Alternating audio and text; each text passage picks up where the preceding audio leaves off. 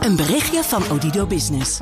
Hoe groot je bedrijf ook is of wordt, bij Odido Business zijn we er voor je. Met unlimited data en bellen en met supersnel en stabiel zakelijk internet. Ook via glasvezel. Ontdek wat er allemaal kan op odido.nl/slash business. Het kan ook zo. BNR Duurzaam wordt mede mogelijk gemaakt door PreZero. Verder denken voor een duurzaam morgen. BNR Nieuwsradio. Duurzaam. Harm Edens. Op de groene weg naar 2030 gaan we het vandaag hebben over. Meer dringende maatregelen om de Nederlandse economie circulair te krijgen. Hoe het weer in ons land eruit gaat zien na 2050. En retourzendingen van online aankopen, die worden vaak vernietigd. Hoe goedkoper een retourzending van een online aankoop is, hoe vaker die wordt weggegooid. Dat blijkt uit Zweeds onderzoek. Sinds de coronacrisis bestellen we steeds meer online, proberen we de spullen thuis uit en sturen we het zonder schuldgevoel weer terug. Meestal gratis. In Zweden is vooral gekeken naar kleding en elektronica. En spullen zijn vaak zo goedkoop dat het handiger is om ze weg te gooien dan na te kijken en opnieuw te verpakken. In de Europese Unie is het afgelopen jaar voor 22 miljard aan geretourneerde kleding en elektronica vernietigd. Een idioot hoog bedrag en heel veel verspilde energie en verspilde grondstoffen. Dus bezint eer gij klikt. Die kunnen we met elkaar heel snel oplossen. En in Zweden zijn ze ondertussen dingen aan het bedenken om dit verwende gedrag tegen te gaan. Ik ben Harm Edens, dit is BNR Duurzaam. En ons groene geweten is deze keer Nicky Trip, specialist duurzaamheid van EF Advisors, of is het AF Adviseurs? AF Advisors, ja. Oh, nee, het is een beetje duolinguaal. Nicky, fijn dat je er bent. Jij hebt voor ons een aantal nieuwsberichten van de afgelopen dagen verzameld. Eh, laten we beginnen met Shell. Ja, Shell heeft een recordwinst uh, geboekt van bijna 40 miljard euro over 2022. Zal de meeste mensen wel uh, al opgevallen zijn de afgelopen Mhm. tijd. Een bedrag, nou, daar kan je echt bijna niks bij voorstellen. En het riep ook wel wat reacties op bij mensen. Uh, helemaal met de energieprijzen van nu, die, die de gewone mensen niet meer kan bijhouden, is, is dat toch een heftig contrast. En econoom Arnoud Boot hield ook een vlammend betoog bij BNR daarover. En dat kunnen we misschien even luisteren. Ja. Dus ik wil hier zelfs op tafel leggen dat de investeringen van Shell in het overnemen van duurzame bedrijven de afgelopen jaren misschien bedoeld zijn om concurrenten uit de markt te houden en om het duurzaamheidsproces te vertragen. Dat klinkt heel vervelend, maar dat is in lijn met je winstgevendheid op fossiel. Je moet het nieuwe vertragen. Ja, dus dat, dat ze ook uh, andere groene bedrijven bij zich houden, zodat ze daar de controle over kunnen houden om zo lang mogelijk maar met fossiel door te kunnen gaan. Zou het waar kunnen zijn, Nicky? Ja, met hoe lang zij al weten dat klimaatverandering gaande is en er zo weinig aan hebben gedaan, ja, het zou ja. best wel kunnen. En, en, ze riepen dat ze van die bijna 40 miljard nu heel veel in groen gaan stoppen. Hè? En dat bleek ook allemaal weer toch een behoorlijk grote lange wassen neus te zijn. Valt bijna altijd tegen. Ja, ja. ja, ja. Mm -hmm. En je hoort dus eigenlijk ook wel hè, dat ze een beetje hun maatschappelijke licenties zijn kwijtgespeeld. En daar ben ik het eigenlijk wel mee eens. Het is heel moeilijk uit te leggen. Mm -hmm. Dan was het nieuws over de circulaire economie. Ja, uh, want afgelopen vrijdag presenteerde het kabinet het Nationaal Programma Circulaire Economie 2023-2030. Nou, kern van het verhaal: we gaan producenten meer verplichten, dus regels maken. Nou, een paar voorbeelden. Uh, producenten moeten inzameling van hun verkochte spullen zelf gaan organiseren. Je bent verplicht om, nou, om bijvoorbeeld een x-percentage recyclebare grondstof in je producten te verwerken. En er komt een soort van verplichting per land om meer tweedehands te kopen. Ja, ik vind mooie ideeën. Mist nog wel een beetje het masterplan daarachter. Wie dat dan gaat handhaven en wanneer je dan gaat ingrijpen. U mist 2 procent. Uh, nou, kijken we dan nog door, door, door de vingers? Zien we dat door de vingers? Of wordt er dan ook echt uh, uh, ja, actie ondernomen? Ik ben heel benieuwd. Ja, helemaal met hoe ver we achterlopen nu ja. al. Het is ook de week van de circulaire economie met events door heel Nederland. Een paar weken geleden sprak ik nog hierover met Mark de Wit van Circle Economy. De titel van die uitzending was Hoe we de aarde blijven uitputten. Dat is zeker een aanrader voor iedereen die meer over dit onderwerp wil weten. Dus luister hem even terug. Tot slot, ik vond hem wel opmerkelijk. Minister Jette gaat structurele klimaatpersconferenties houden. Ja, ja, meerdere Kamerleden hadden hier dus al naar gevraagd uh, de afgelopen tijd. En er is ook een burgerinitiatief, de Klimaatpersco, die hier ook al een tijd aandacht voor vraagt. Eigenlijk sinds de corona-persconferenties. En Marjan Minnesma schreef hier afgelopen week ook een stuk over in het FD. Ja. Met een oproep voor een klimaatpersco met urgentie, uitleg en hoop. Nou, ik denk dat dat gewoon hele mooie uitgangspunten zijn voor zo'n persco. Dus uh, minister Jette, ik kijk uit naar de eerste. Ja, en ik, als u nog een sidekick nodig heeft, of misschien een hele betrouwbare nieuwslezer, Rob, je weet me te vinden. BNR Duurzaam. En dan nu het weer van 25 juli 2050. De temperaturen komen morgen uit op 37 graden langs de kust... en tegen de 40 graden verder landinwaarts... met uitschieters in het oosten en zuiden naar 44 graden. Het KNMI adviseert om alleen met hoed en zonnebrandcrème naar buiten te gaan. Nou, weerman spelen had ik al die jaren nog niet gedaan, dus die kan van de bucketlist af. Maar iemand die dat stuk, je zit er ook bij te lachen, die dat stukken beter kan dan ik, is Helga van Leur, ambassadeur klimaat, duurzaamheid en gedrag. Helga, fijn dat je er bent. Want met jou willen we het heel graag hebben over dat weerbericht ver, ver weg over 30 jaar. Ja, maar 30 jaar gaat snel, hè, Harm? Dat is, dat is, als ik terugkijk, denk ik, ik kan me dat nog goed herinneren. Ja, nou, Ja. 30 jaar ben ik bijna 80. Nou, ik- nee, 70. Over 70 30 jaar ben ik bij kans dood als we pech hebben. Dus En ik ben bijna 30 is. Dus over dat, 30 jaar. Ja, nee, nee. Als in bij mij duurt het nog even. Maar ik kan me voorstellen, 30 jaar is inderdaad lang. Maar gaat echt snel hoor. Als Ja. je terugkijkt wat deed ik 30 jaar geleden, denk ik zo, dit is echt voorbij voordat je het weet. En juist daarom moeten we inderdaad zo snel handelen. En toch leuk dat Nicky dat zegt, want voor jou is het nog het meest relevante hier van de drie. Hè? Dus hey, de afgelopen 60 jaar steeg de gemiddelde temperatuur in de beeld met bijna anderhalve graad. Dus daar zitten we al op het maximum van wat we hebben willen. Waarbij het in de zomers harder gestegen is. Ja, hoe is dat over 30 jaar? Ja, eh, resultaten uit het verleden bieden geen garantie voor de toekomst. Mhm. Maar de trend van stijging versnelt eigenlijk alleen maar. Dus ik denk dat we over 30 jaar ehm gerust er weer 2 graden bij kunnen tellen. Ja. En de warmste dagen zijn nu al 4 graden warmer. En het probleem zit hem natuurlijk in die extreme. Dus juist die heetste dagen is het probleem. Niet het feit dat de gemiddelde temperatuur wat stijgt. Kijk, voor de energiecrisis is het prachtig deze winter dat we niet zo'n vorstperiode hebben waarbij je echt de verwarming hoog moet hebben staan. Maar het, het is niet goed. Nee. Het klopt niet. Nee, het is uit balans. En ook met name die superhete dagen, die hebben ook nog de neiging om dan nog heter te worden, omdat ze al zo heet waren. Hè? Nou, Dus dan- zeker in de stad, omdat het uiteindelijk uitdroogt. Hè. Dus het platteland en de natuur wordt steeds droger. En een drogere grond kan steeds meer warmte genereren. Dus het platteland wordt heter. Maar in een stad, ja, als je weinig begroeiing en bomen hebt... al dat beton, die huizen, dat straalt ook nog eens warmte uit. Met alle bijbehorende hittedoden van dien. Dus Nou, en waar wonen de meest kwetsbare mensen? ja, in de stad. In de stad. Ja. Ja. en een we moeten het nog wel een keer zeggen, denk ik, voor we de hele discussie ingaan. Weer en klimaat zijn niet hetzelfde. Hè? Nee, dat zijn twee hele verschillende dingen. Het weer, ik vergelijk het wel eens met je kledingkast. Het weer is, wat trek je vandaag aan? Iets tegen de winter of tegen de zon of de regen. Mhm. En de kledingkast is eigenlijk het klimaat. Dus wat voor variatie heb je erin hangen? Is het nou steeds vaker warm, dan zul je in die kledingkast vaker kleren hebben voor warm weer. En die verschuiving vind je, maar dat wil niet zeggen dat het nooit nog een keer koud kan worden. Het kan best, maar de frequentie van koude periodes neemt af. En de frequentie van warme periodes nemen toe. En dat zie je aan klimaatverandering. En het gaat trouwens niet alleen over de temperaturen. Het gaat ook over neerslag. Ja. Het gaat over droogte. Je zei net al, eh, eh, resultaten eh, toekomst. Eh, we willen toch een beeld krijgen van dat weer in die toekomst. En dan maken we gebruik van klimaatmodellen. Hoe zijn die ontwikkeld door de jaren heen? Welke data gebruik je tegenwoordig die je vroeger niet had? En hoe nauwkeurig ben je tegenwoordig? Nou, je hoort vaak van als je het weer van morgen niet eens kan voorspellen, waarom waag je dan klimaatvoorspellingen? Nou, Ja. daar heb je al verschil tussen weer en klimaat. Maar ja, de meeste mensen kijken op een appje en denken dan aan een algemeen appje, een weersverwachting voor Amsterdam specifiek voor die regio. Dat is natuurlijk ook niet helemaal waar. Maar de klimaatmodellen moeten allerlei dingen meespelen, meepakken die in dat grote spinnenweb een rol spelen. Denk aan de oceanen. 90% van alle warmte die nu extra geaccumuleerd wordt, wordt door de oceanen opgenomen. Dus een enorme batterij. Maar wat betekent dat voor de oceaanstromingen? Wat betekent dat voor het leven in de oceanen? Wat betekent dat voor het smelten van de ijskappen? Zowel op de Noordpool als op de Zuidpool. Die luchtstromingen, hoe gaan die veranderen? Gaan die meer meanderen? Heb je meer een zuidenwind, wordt het ook automatisch warmer. Ja. Maar wat we zien is dat je vaak langere periodes van zuidenwind krijgt, afgewisseld door langere periodes van noordenwind, in plaats van dat het wat vaker afwisselt. Maar er is nog geen garantie in 2050 dat je geheid een warme zomer krijgt. Nee. Het kan ook wel eens een wat koelere zomer zijn. Maar door al die data, door van al die jaren te verzamelen en door te trekken, krijg je toch een redelijk nauwkeurig beeld van hoe En het iedere keer er verder mogelijkerwijs- fine-tunen. hè. Dus in Ja. het begin begin je heel grof. Hè. En Een model is niks anders dan vereenvoudiging. Ik vergelijk het wel eens met de agenda van morgen. Je begint met een aantal basisafspraken. Nou, dan komt er steeds meer bij. Oh, ik niet hoor. Ik plemp het gewoon van A tot Z vol. Ja, jij bent heel creatief wat dat betreft. en, en, en als je dan kijkt naar de, hè, de koning, die zal het wel van minuut tot minuut volgepland Mm. hebben. Nou, wat je met klimaatmodellen doet, is dat je steeds meer probeert dingen erbij te pakken. En het continu te verifiëren. Als we dit terugrekenen naar het verleden, past dat dan nog steeds in het beeld.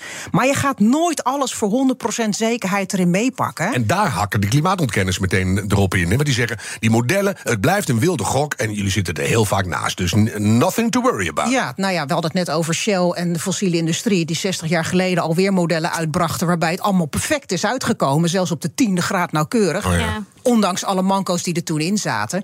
Maar er is ook nog een verschil tussen wat doet de weer en wat doet het atmosfeer. Nou, daar kunnen we gewoon, het is wetenschappelijk aangetoond. Ja, het verandert. Ja, het komt door de mens. Ja, we kunnen er ook nog wat aan doen. Maar de impact is vooral op het landschap. Dus als je heel veel bestedelijke bebouwingen hebt en dat water kan niet weg, ga je overlast krijgen. Ja. Als je heel veel airco's gaat plaatsen om het binnen koel te houden, pomp je nog meer warmte de lucht in en je gaat nog meer energie gebruiken. Dus dan kom je in een soort vicieuze cirkel. Dus alles hangt eigenlijk samen. Waar ligt je kwetsbaarheid uiteindelijk en hoe pas je je daarop aan? Mhm. Hoe Ja. luister jij hier naar, Nicky? Nou, wat ik in ieder geval interessant vind ook aan dit soort modellen... Je, je weet dus best wel veel al wel... maar er zit altijd een factor van onzekerheid in. Kijk, wat mij betreft helemaal... als ik een beetje mag spreken ook namens toekomstige generaties... moeten we dan niet uitgaan van de worst case scenario... die wel binnen de, de modellen past... eh, zodat we ons daarvoor klaarmaken... en daar ook wat aan proberen te doen. Ehm, omdat we wel echt die verantwoordelijkheid ook een beetje hebben... naar toekomstige generaties, om daarvan uit te gaan. En die tijd nodig hebben, hè? Want Ja. als we nu niks doen, ja, dan zijn we zeker Nee, te dat laat. klopt. Maar de worst case en we gaan er eigenlijk al van uit dat dat niet uitkomt. Dus dat is alvast heel goed nieuws voor jou. Tegelijkertijd, als je gaat acteren op die worst case scenario's, betekent dat we ongelooflijk veel geld moeten gaan stoppen in kennis die zich ook nog moet gaan ontwikkelen. En ik, ik denk dat je daarbij ook heel veel eh, dingen dus mist dan. Dus je, je moet vandaag beginnen. Hè, want als je gaat douchen, duurt het even dat die douche warm is. Dat is ook in de atmosfeer. Je zit Als goed in de vergelijking, Helga. ja, probeer het een beetje inzichtelijk te maken. Mooi, hou ik van. Als je vandaag, stel je voor dat we vandaag allemaal zouden stoppen met de uitstoot van fossiele brandstoffen wereldwijd, dan duurt het door dat vertragingseffect nog een jaar of 20, 30 voordat de temperatuurstijging echt kan gaan afnemen. Dus ja, we hebben haast. Maar om nu al volledig in te zetten op het meest pessimistische scenario en daar heel veel geld in te gaan stoppen, dan ga je de draagkracht niet voor vinden en daar is het geld misschien ook niet voor. Nee, en dus des te belangrijker om uit te leggen hoe dat weerberichten eventueel wel eens uit zou kunnen gaan zien. Hè, die, die klimaatscenario's voor Nederland in 2050. Die hoge temperaturen begrijpen mensen wel. Ja. CO2, warmte kan niet weg, noem maar op. Ja. Maar hoe zit het met dingen, je noemde ze in het begin al even, extreem weer, veel grotere hagel, enorme, gigantische hoosbuien. Dat kan allemaal in frequentie toenemen en in intensiteit ook. Nou, ik probeer wel eens de vertaalslag maar te maken naar wat vinden mensen nou echt belangrijk. En dan gaat het over voedsel, het gaat over veiligheid, dat je je kunt verplaatsen, waar en hoe je woont. Ehm, en, en een stukje circulariteit. Als je op die dingen gaat kijken, het wordt gewoon onveiliger. In gebieden wereldwijd waar al weinig te eten is, wordt het alleen nog maar droger. Dus die Ja. mensen gaan nog meer op de vlucht. Overstromingen. Laatste prognoses, eh, tussen nu en 50 jaar, anderhalf miljard mensen aan de wandel als we zo doorgaan. En als je nu al kijkt hoeveel, hoeveel er aan de Ja. wandel zijn, zit je ook al bijna Er volgens zijn mij al heel veel klimaatvluchtelingen. Ja, ja, ja. Ja, ja, ja. Maar goed, het, het, het nadeel is als je heel veel doemscenario's geeft... Mhm. en wat er ook echt wel aan, dat het ook heel veel mensen verlamt... of het zal mijn tijd wel duren, tegen de tijd ben ik 80... zit ik in een bejaardentehuis met Ja. een airco, het zal Wel op de negende verdieping, Ja, overigens. maar ik, wat ik ook altijd probeer, probeer ook naar de kansen te kijken. Want dat is het moment Ja. waarop mensen wel nu al willen gaan investeren. De innovaties die er zijn. Kunnen we met minder af? Kan het anders? Kan het zuiniger? Eh, je hebt het ook over vrijheid. Hè? Wat is dan vrijheid? Mag ik nu alles bepalen wat ik wil, terwijl ik eigenlijk weet dat het ten koste gaat van nu al mensen in andere delen van de Ja. wereld, maar zeker van toekomstige generaties. En als je daarover gaat nadenken, denk ik, eigenlijk is dat helemaal niet zo erg. Weet je, waarom moet ik vier keer per jaar een nieuwe spijkerbroek? Al is het een duurzaam merk. Kan ook wel twee keer. Moet niet te snel te dik worden, maar dat is een ander verhaal dan. Ja. Maar te, te zoeken naar kansen en naar innovaties en wat we kunnen doen. En de jeugd mee te nemen. Hè? Want hoe ouder je wordt, Hm. ik heb het niet over mezelf. hoe ouder je wordt, hoe meer je ook vast, vastzit in denkpatronen. Ja. Dus het, het en dan is het fijn dat de jeugd je af en toe even aan je hoofd schudt. Maar jij zei net, ik, ik probeer het vaak beeldend voor te stellen. We hebben ook gewoon klimaatverandering op de stoep. Ik, eh, Limburg 2021. Helpt dat soort dingen om die mensen wakker te schudden. Zeggen van jongens, die wateroverlast die is er af en toe nu al. Wordt alleen maar erger. Hoe gaan we ons daartegen wapenen? Nou, de gewone burger denkt Limburg ligt in een ander land. De Limburgers vinden dat wij in een ander land liggen. Hmm. Maar de politiek is daarin wel wakker geschud. Dat er wel nu echt scenario's. Wat nou als dit in de randstad zou vallen? En hoe lang ben je nou afgesloten om weg te komen? Hoe lang ben je afgesloten van voedsel? Kijk, woon je in het platteland, dan heb je misschien nog een geit en een vark in de, in de schuur. Ja. En je, onderling wissel je wat uit. Maar in zo'n stad ben je juist zo kwetsbaar van toevoer van buiten. Hoe gaat het in de energievoorziening? Wat nou als de stroom twee dagen uitvalt, omdat datacentra onder water lopen? Die kwetsbaarheid moet je bekijken. En daar moet je, ja, ik noem het dan ook weerbaar in worden. Heb je het gevoel dat het nu ook serieus aan het gebeuren is? Ja, nou ja, ik leef natuurlijk ook wel een beetje in een bubbel van mensen die heel graag willen. Dat Ja. besef ik eigenlijk ook En wel. ik mis bij die, bij die kabinetstypes vaak dat integrale plan van... we gaan niet meer bouwen 14 meter onder NAP. Nee, we moeten daar vooral wel gaan bouwen. En gisteren, althans, dat zeggen zij dan. En Ja. gisteren hoorde ik ook, dan maken we er gelijk een soort wal van, een muur Oh, van. Dus ja. als het doorbreekt, houden we het tegen. Maar dan kijk je naar verzekeraars die zeggen: ja, als wij gewoon, we hebben 100% zekerheid dat binnen nu en een eeuw dat onder water gaat lopen. Dus gaan wij dat dan nog wel of niet verzekeren? Wil je dat een ander aandoen? Ben je aan het wachten op een huis? Ja, je kan in laagst gelegen gebieden gaan wonen.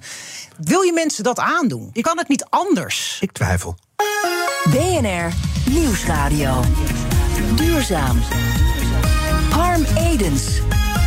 Zachte winters afgewisseld met behoorlijk hete zomers en periodes van droogte tegenover dagen waarop het met bakken uit de hemel komt. We kijken naar het weerbericht in 2050 en dat doen we met niemand minder dan Helga van Leur. En ons groene geweten is Nicky Trip. Zullen we het eh, hebben over de gevolgen? We begonnen er net al een beetje over, Helga, van dat veranderende klimaat. Ehm, die woningen, los van waar je ze precies bouwt, moeten we ze nu ook al gaan aanpassen in het model. Ik zag laatst de, de drijvende woningen die langs palen op en neer kunnen, al nagelang de overstromingshoogte. Nou, dat zou op zich niet verkeerd zijn. Ik zag het nog niet gebeuren met hele wijken of torenflats. Nee, nou, je zou hem hier in Amsterdam, dat ligt natuurlijk ook aardig laag. En dat kan je ook niet allemaal verhogen. Maar je kunt je vragen, ja, kun je hier inderdaad over 300 jaar nog zomaar wonen? Nou, dat denk ik niet. Maar je zult alles wat nu nieuw gebouwd wordt, moet je nadenken, kan dat klimaat adaptief? Ja. Dus ga je aanpassen aan de verandering. En als je dat doet, pak je dan ook gelijk het klimaat aan. Hè, de drie A'tjes. Je moet aanpakken, aanpassen en accepteren. Je moet het alle drie doen. Dat kan drijvende woningen zijn, maar dat kan ook mobiele woningen zijn. Dat je zegt, oké, ik woon nu in Amsterdam op wielen. Maar als ik weet dat er zware buien uitkomen... eh, dan eh, ga ik naar het prachtige oosten van het land voor ik een paar rij dagen. even naar de Achterhoek. Ja. Ja. Ja. nou het zou niet, wel een beetje filevorming, denk ik. Maar welke mate van acceptatie moeten we dan hebben? Gaan we dan uit, worst case doen we niet... maar eh, zeespiegelstijging mm, een meter, vijf meter, 70 meter... Nou, waar je gaan hebt we het over die zeespiegelstijging. Ik was inderdaad ooit in het Watersnoodmuseum... waar de directeur mij uitlegde... deze zijn gebaseerd op maximaal 40 centimeter zeespiegelstijging. Daar hebben we 40 jaar over gedaan. We hebben dus nu nog 75 jaar voor de volgende zeespiegelstijging... die ergens in het midden, rond de 75 centimeter, kan uitkomen. Op Het kan iets minder zijn, het kan iets meer. Een gemiddelde zeespiegelstijging zegt nog niks over de stormen... en de opzet die er is. Dus dan En de ga je... stuwing van beide zijden. Maar als je daar al 75 jaar voor nodig hebt, weet je, dan moet je en snel aan de slag. Je moet alle nieuwe innovaties die gaan komen, moet je nog kunnen eh, gaan toepassen. Dus je moet eigenlijk ook steeds meer flexibel gaan bouwen. En misschien bouwen we nu wel iets waar we over 20 jaar achter komen. Nou, het is toch, het is eigenlijk niet handig. Maar moeten we dat toch doen? Overnieuw. Ja, ja, ik denk het wel. maar dat we- gebeurt ook, denk ik. hè, De We Delta. moeten nu gaan investeren in dingen die over 50 jaar Ja. eh, relevant zijn. Hoe Ja. krijg je mensen zo gek om dat te doen? Ja, goede vraag. Als ik dat wist, dan had ik het ei van Columbus. Ja. Ik denk dat dat heel belangrijk is. Van wat wil jij nalaten? hè? Als jij nu bezig bent in jouw wereld of in jouw onderneming. Wat wil je nalaten? Wat wil je toevoegen aan deze wereld? Hè, wat, wat, waar als over 50 jaar Nicky dadelijk onze leeftijd heeft? Mhm. Nou ja, niet over 50 jaar. Het wordt steeds erger. Ja. wordt- als Nicky daar een bejaardenhuis ziet, dat ze zeggen: Oké, maar toen hebben de mensen, terwijl ze de kennis hadden, ook een stukje verantwoordelijkheid genomen. En tuurlijk, we kunnen niet alles doen en we zijn niet perfect en we zijn continu aan het stoeien met ons gedrag. En ik, ik snap die dilemma's. Maar als we nou focussen op wat wel kan... en dat je elke dag andere keuzes kunt maken... dat je gaat onderzoeken, dat je nieuwe dingen gaat uitproberen... en nu kan je struikelen, hè? Over twintig jaar kun je niet meer struikelen... want dan zijn de stappen te groot. Dan is het echt op ook. En- en Maar hou elkaar gewoon- vast, hou elkaar gewoon vast. vragen aan de toekomstige generatie. Nicky, wij, wij schrijven de rekening alsmaar door. Dat doen we bij de bedrijfswinsten, doen we Ja, bij alles, maar ook bij dit soort dingen. Hoe, hoe, wat zou je willen zeggen? Nou, ik, ik, ik denk wat jij zei, Helga, hè, dat, dat we een beetje verantwoordelijkheid nemen voor wat we doen. En ik denk dat, daar, dat, dat we met z'n allen moeten zorgen dat mensen die verantwoordelijkheid nemen, dus mensen die, die, die, die het privilege hebben, die de macht hebben om er iets te doen, dat we hen gewoon ongelooflijk verantwoordelijk houden. Aan Maar hoe andere- doen we dat? Want we stemmen al op de nou ja, juiste ik denk, partijen. ik denk inderdaad eh, stemmen, eh, j- jongerenorganisaties, lobbyen, et cetera. Maar ik denk aan de andere kant ook dat ik het daar niet helemaal van af wil laten hangen. Dus dat ik ook maar gewoon ga infiltreren met een groep jongeren. eh, En ook maar deel wil worden van die macht. Zodat we het Infiltreren zelf, waarin? Eh, in de politiek, in het bedrijfsleven, et cetera. Zodat we zelf maar kunnen gaan meesturen. Ja. om het de goede kant op te, om de Maar je hoort kant heel vaak, de politiek moet het doen. Hè? Maar goed, je weet met zoveel partijenstelsels vrij kansloos. Want Mhm. ja, zodra de verkiezingen weer aankomen, dan gaan ze de andere kant uit. Ik denk dat er ook heel veel kracht zit bij mensen zelf. Hè? Ga je inderdaad spullen in China kopen voor het goedkoopste van Ja. het goedkoopste? Of kijk, Maar kan het misschien lokaal? mag dat gewoon binnenkort niet meer. hè? Het lijkt me ook zo lekker. Nou, we, hebben, alles mag, maar het wordt gewoon heel duur dan. we hebben één ding nog niet genoemd, Helga. En dat heeft natuurlijk ook alles met extreem weer te maken. De landbouw. Wat moeten we daar doen? Ik denk dat de landbouw een enorme kansen kan hebben op het moment dat ze uh, omdraaien naar het flexibel zijn in weerextremen, maar ook gewoon een soort opslag kunnen zijn van koolstof bijvoorbeeld. En de biodiversiteit opbouwen. Want ja, hoe eenvlakker alles is, hoe kwetsbaar we worden voor ziektes en dat soort dingen. Mm -hmm. Jij zit in een klankbord met weer- en klimaatdeskundigen. Je zei net al, mijn eigen donkergroene bubbel. En die weten verdomd goed welke kant het op zou moeten. Wat moeten we voor wat jullie betreft nu doen om in ieder geval op weg te zijn om die problemen te voorkomen? Nou, kijk elke dag wat je doet. Kan het minder? Kan het anders? En welke keuze maak je nadenkend? Wat laat ik achter voor de volgende generaties? Mm. Maar ook zelf er al lol van hebben. Hè? Het is gewoon zo leuk om iets goeds voor een ander te doen. Nou. Terwijl je weet. Oké, okay, dan kost het misschien een tikkeltje meer, maar dat plezier is onbetaalbaar. En als je die spijkerbroek lang genoeg in de kast hangt, zeggen ze: wat een leuke broek. Ja, die had ik al twintig jaar. Ja, ja die, die muffinstop, dat wordt uiteindelijk gewoon helemaal hip. Hè? Dat wordt gewoon weer helemaal. hey, uh, bij Ruimte voor de Rivier doen we het al, hè? kijken we al vooruit. Uh, moeten we ook hele andere oplossingen het land binnen gaan trekken? Mangrovenbossen voor de kust, uh, hele andere manieren van wonen. Je zei net al op wielen. Moeten we veel groter gaan denken en veel creatiever zijn in waar dat land naartoe moet? Ja, ik vind het heel interessant om te kijken wat kan de natuur, hoe kunnen we met de natuur gaan samenwerken. Uh, mm -hmm. Bijvoorbeeld weer zo'n stad, als je daar veel meer groen in doet ja. en je vastgoed wordt meer waard en het wordt behapbaarder, het is lekkerder om te wandelen, het is beter voor de gezondheid. Dus op heel veel van die silo's ga je winst boeken. Dus gebruik veel meer de natuur en ga niet, dat wil ik echt, ga niet meteen in alle technische oplossingen zitten. Oh, cooler, lekker, plaats van airco. Ja, maar er zitten zoveel andere haakjes achter. Ja. Doe het niet. Kijk eerst hoe kun je samenwerken met de natuur. En dat betekent misschien ook wel dat sommige gebieden onder water lopen. En dat we daar niet meer kunnen wonen, al ja. hebben we dat honderden jaren gedaan. En los daarvan, een economie kan alleen draaien als je een stabiel klimaat hebt. Dat is ook wel belangrijk voor ons. Klimaat is de basis van alle crisissen die er zijn. Helga van Leur. Dankjewel voor je klare taal. We hebben weer veel geleerd. Niki, wat ga jij onthouden en vanavond doorvertellen tijdens de avonddis? Oeh, uh, nou, uh, dat uh, voor de mensen die het nog niet wisten, klimaat is iets anders dan weer. Mm -hmm. Ik denk dat dat nog wel goed is om af en toe extra er, erin te zetten.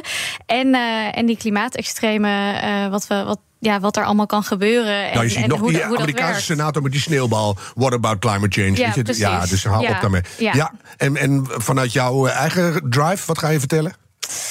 Ik ga vertellen dat alles afhankelijk is van klimaat. En dat ook bijvoorbeeld de financiële sector draait niet door als, de, als het klimaat niet meer, uh, niet meer werkt. Veiligheid, voedsel, mobiliteit, ja. vastgoed. Alles. Ja. Plan wat en ik ga toch nog even zeggen, Shell. Ik was niet verbaasd over die torenhoge winst. Nee. Want die zagen wel een jaar aankomen. Maar ik ga nu toch echt die hele Shell-familie aanspreken op. Let op uw zaak. U verdient aan die enorme ellende van ons allen. Ja. Herinvesteer dat allemaal optimaal, maximaal in een nieuwe circulaire postgroei-economie. Was dat geen mooie zin? Dankjewel, Nicky Trip. Dit was BNR Duurzaam, de groene weg naar 2030. Laten we die met z'n allen nemen en een beetje doorlopen graag. De tijd van treuzelen is voorbij.